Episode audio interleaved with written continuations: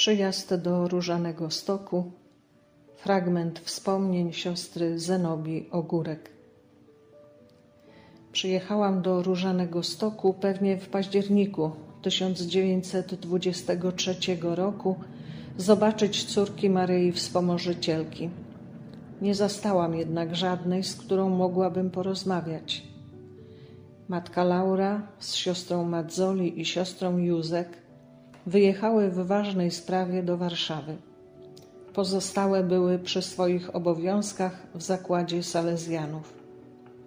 A siostra Franciszka Barukko nie umiała mówić po polsku. Ponieważ przyjechałam rano, po całonocnej podróży zaprosiła mnie na śniadanie. Zauważyłam zaraz skrajne ubóstwo. Z innymi kandydatkami zasiadłyśmy do stołu. Podano kawę zbożową bez mleka i cukru oraz chleb razowy.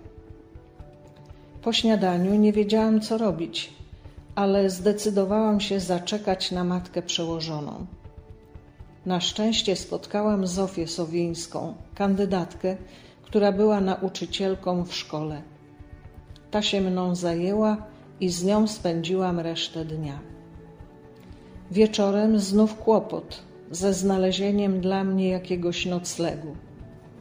Prowadzano mnie po różnych budynkach, ale nigdzie łóżka ani pościeli. Znów Zofia Sowińska zabrała mnie do swego pokoju i oddała własne łóżko. Sama spędziła noc przy stoliku. Ubóstwo było wielkie, bo siostry zaledwie przed rokiem przyjechały z Włoch, a dom był zniszczony i trzeba było remontować pokój za pokojem, aby przygotować miejsca dzieciom i kandydatkom. Bieda była z żywnością i opałem. Przez pewien czas siostry nie miały żadnych dochodów, zwłaszcza pierwsza zima była ciężka.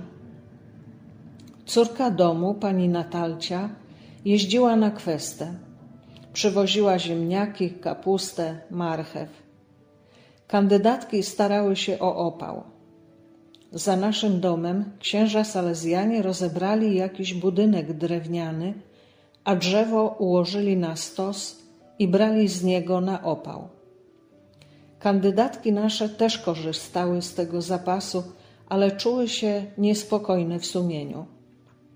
Jedna z nich poszła do księdza dyrektora i wyznała mu swój niepokój. Dobry ksiądz dyrektor, znając trudne warunki sióstr, powiedział jej: Bierzcie, ale nie rzucajcie się w oczy prefektowi. Dużą trudność w życiu wspólnoty stanowiła odległość do większego miasta. Grodno 30 km, Białystok 70 km. Do Warszawy czy Wilna trzeba było całą noc jechać, by w dzień załatwić sprawy i znów nocą wracać. Wyjazdy te bywały częste z różnych powodów. Były męczące i zabierały dużo czasu. Przeważnie jeździła siostra Mazzoli i siostra Józek. Do pociągu jeździło się furmanką, zimą saniami, które podczas dużych zasp śnieżnych wywracały się, wysypując wraz z pasażerką i towary, które wiozła, a bywało, że i szkło na szyby, i jaja na piątek.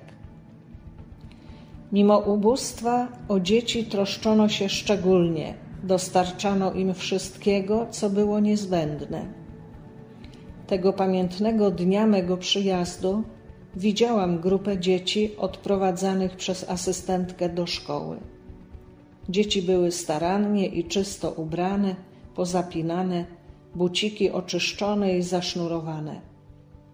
Wieczorem, gdy przechodziłam obok sypialni dzieci, asystentka, wówczas kandydatka Rosalia Szczerbowska, przyprowadziła grupę chłopców w największym porządku.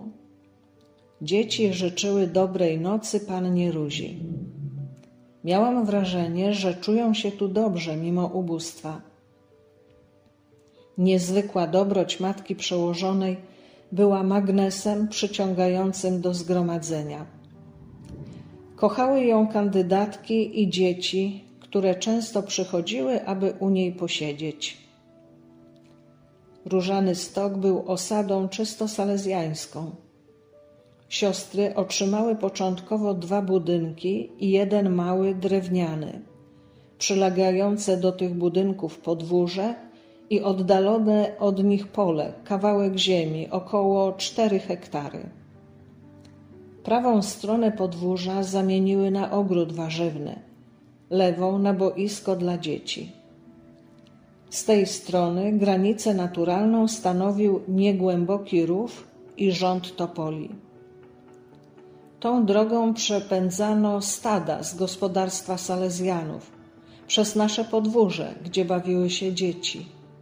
Często zwierzęta rozbiegały się, a biedne asystentki z dziećmi musiały uciekać do domu. Po każdym takim przejściu trzeba było sprzątać podwórze. Interwencje w tej sprawie pomagały na krótko. Ten stan rzeczy trwał do 1929 roku. Latem tego roku przyjechał z Włoch ekonom generalny, przewielebny ksiądz Giraudi. Wczesnym popołudniem czcigodny ten kapłan wyszedł na podwórze, rozmawiając z siostrą Marią Mazzoli i patrząc na bawiące się dzieci. Niespodziewanie wpadło rozbiegane stado. Zobaczył wystraszone dzieci i natychmiast zarządził, by Salezjanie zrobili ogrodzenie pośrodku rowu i za tym ogrodzeniem przepędzali swoje zwierzęta.